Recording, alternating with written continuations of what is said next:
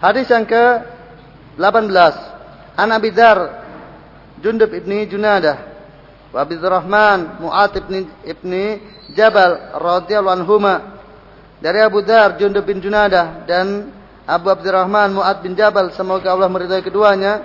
Anna Rasulullah sallallahu alaihi wasallam qaal ittaqillaha hasumakun beliau bersabda bertakwalah kepada Allah di mana pun kamu berada dan kapan pun kamu berada.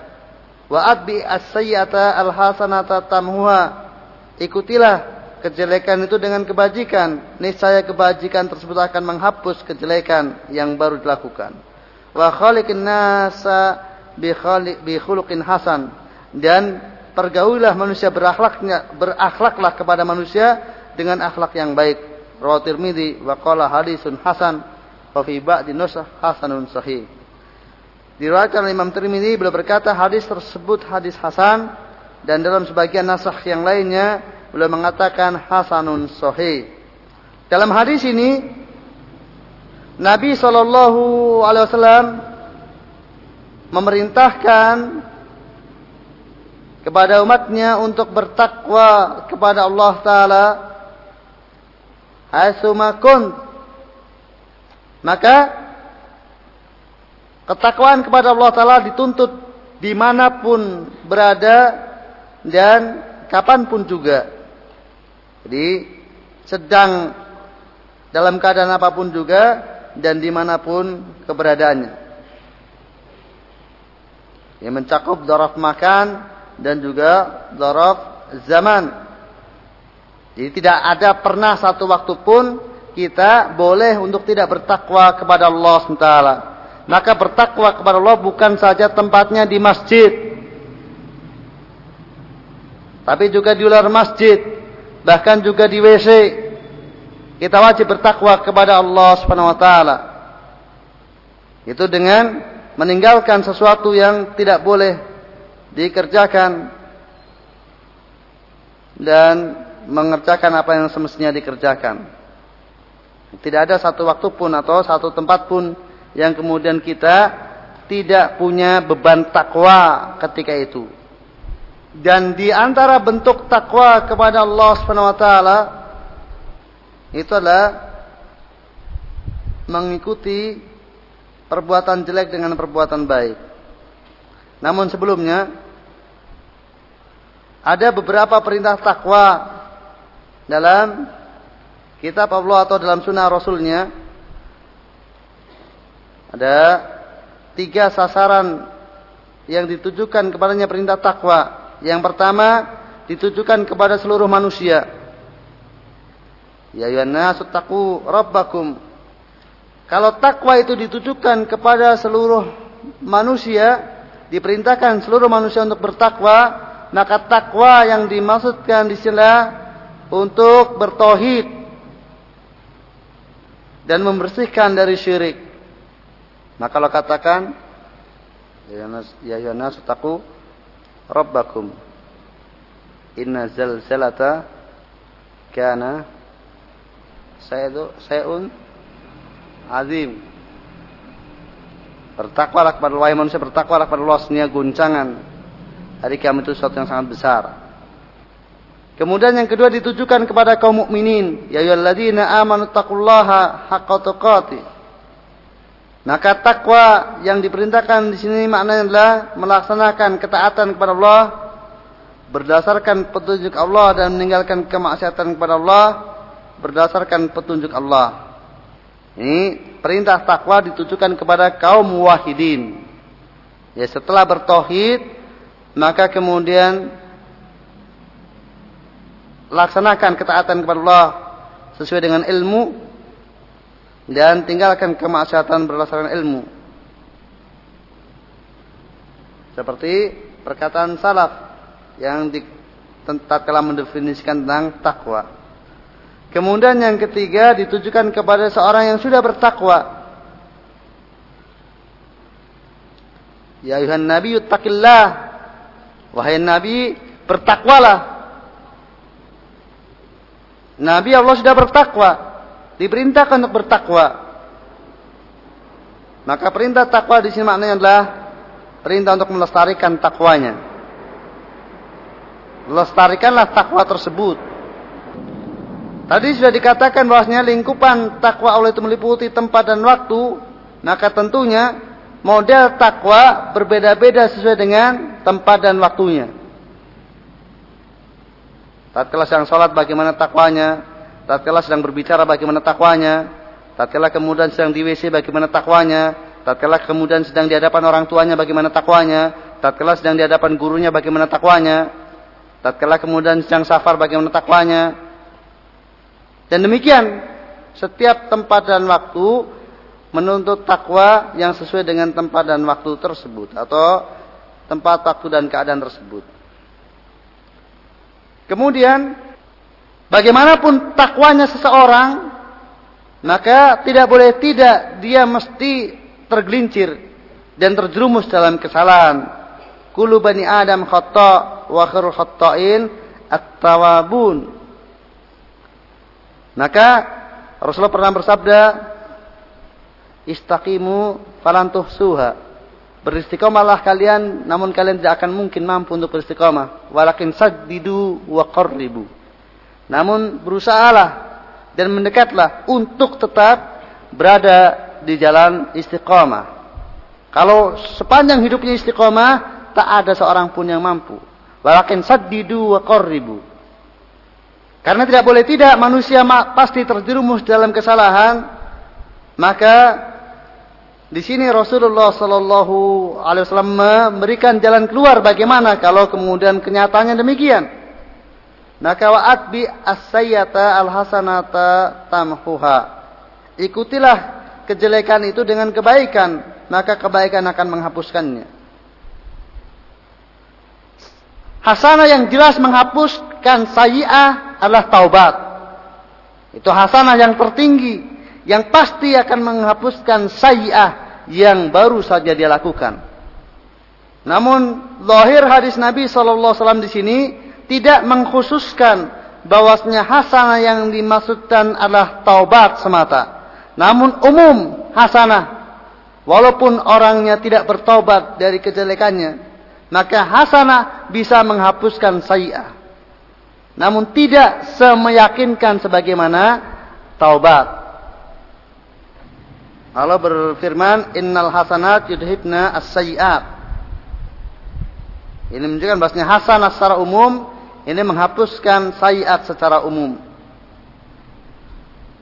Kemudian apakah disyaratkan padanya niat? Sebagian ulama merojihkan tidak disyaratkan niat untuk terhapusnya sayi'ah dengan hasan tersebut. Sebagaimana keumuman firman Allah Ta'ala. Innal hasanat yudhibna as-sayiat. Seperti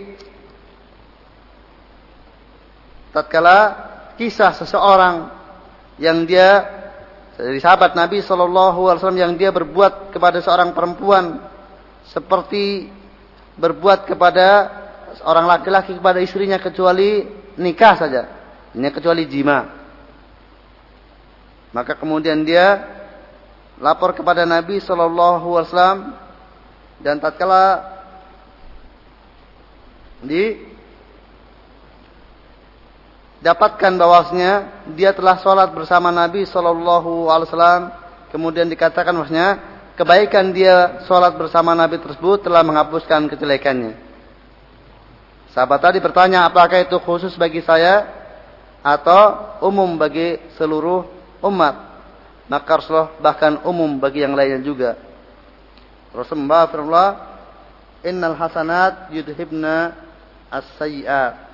Maka itu di antara dohir yang menunjukkan bahwasanya walaupun orangnya tidak bertobat dari kejelekan tersebut dan tidak diniati untuk kemudian menghapuskan sayi'ahnya. Namun tentunya lebih aula untuk kemudian meniatkan seseorang tatkala mengikuti tatkala berbuat hasanah untuk menghapus sayiahnya dan lebih semestinya lagi untuk kemudian bertobat kepada Allah Subhanahu wa taala.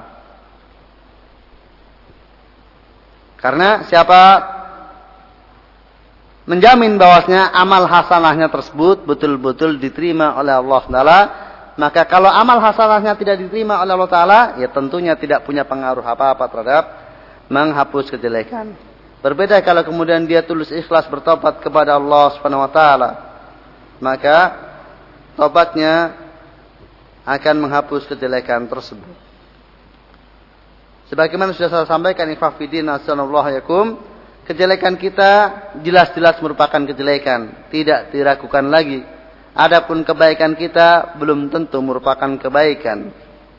Maka jangan membiarkan sayiat dengan alasan telah memiliki hasanah yang banyak karena tak seorang pun memberitahukan kepada kita bahwasanya kita memiliki hasanah. Maka buanglah dan hilangkanlah sebuah, semua sayiat dengan cara bertobat kepada Allah Subhanahu wa taala. Kemudian yang terakhir tentang husnul khuluq. Beliau katakan wa khaliqin nasa bi khuluqin hasan. Tentang husnul khuluq ini itu tentang kepribadian asalnya namanya khuluq itu dalam batin. Kemudian memancar secara zahir. Ini asli yang namanya berakhlak baik itulah apa yang ada dalam batinnya. Tentang husnul khuluq ini manusia ada yang memiliki husnul khuluq itu sudah tabi'iyan memang sudah tabiatnya dia berakhlak baik sesama manusia sudah dari sananya dia tercipta dalam keadaan demikian dan ada yang apa iktisab, hasil usaha. Dia pada dasarnya tidak berakhlak baik. Namun kemudian dia berusaha dan berusaha dan berusaha. Oleh karena itu ada ungkapan al ilmu bita'allum wal akhlak bitakhallum. Jadi memiliki ilmu dengan belajar, memiliki akhlak dengan cara berakhlak. Artinya dengan berusaha untuk berakhlak. Maka seseorang yang memiliki melakukan husnul khuluq sebagai hasil dari jerih payahnya lebih besar pahalanya dibandingkan dengan yang melakukan karena sudah tabiatnya. Karena kaidahnya dalam satu kewajiban yang sama yang lebih susah di dalam melaksanakannya lebih besar pahalanya dibandingkan yang ringan dalam pelaksanaannya. Ini dalam sebuah kewajiban antara yang lebih sulit untuk melaksanakan kewajiban tersebut dengan yang lebih mudah sarana dan prasarana, maka yang lebih sulit ini lebih berpahala besar. Namun berbeda dengan kalau itu disunahkan. Ya. Tidak mesti. Ya. Kalau yang disunahkan itu yang lebih sulit itu lebih besar pahalanya. Jadi belum tentu apa sholat sunnah sambil duduk dengan sholat sunnah sambil apa berdiri mesti lebih banyak pahalanya yang sambil berdiri karena lebih sulit. Untuk yang sunnah, mana yang paling atba, yang paling sesuai dengan mengikuti sunnah, itu tentu yang paling besar pahalanya. Bukan yang lebih sulit atau yang lebih mudah. Di sini Rasulullah Wasallam menyebutkan husnul khuluq setelah perintah untuk bertakwa kepada Allah bukan berarti husnul khuluq tidak termasuk dari takwa. Justru ini untuk kemudian menyebutkan betapa pentingnya husnul khuluq dalam masalah takwa. Ini termasuk perkara yang paling penting dalam ketakwaan seseorang adalah husnul khuluq. Maka Nabi Shallallahu Alaihi adalah orang yang paling bertakwa, maka beliau pula adalah orang yang paling baik akhlaknya. Bahkan hikmah pengutusan Nabi adalah untuk kemudian menyempurnakan akhlak-akhlak yang mulia. Bu'istu liutamima makarimal akhlak. Aku diutus untuk menyempurnakan akhlak-akhlak yang mulia. Wa kana khuluqu al-Qur'an dan la akhlak Nabi sallallahu alaihi wasallam Al-Qur'an. Dan bentuk husnul khuluq kepada manusia adalah sebagaimana sudah berulang kali itu dengan banyak berderma, banyak memberi dan kemudian menahan untuk tidak menyakitinya dan berjumpa dengan wajah berseri. Itu husnul khuluq kepada sama manusia yang kita diwajibkan untuk berhusnul khuluq kepada mereka.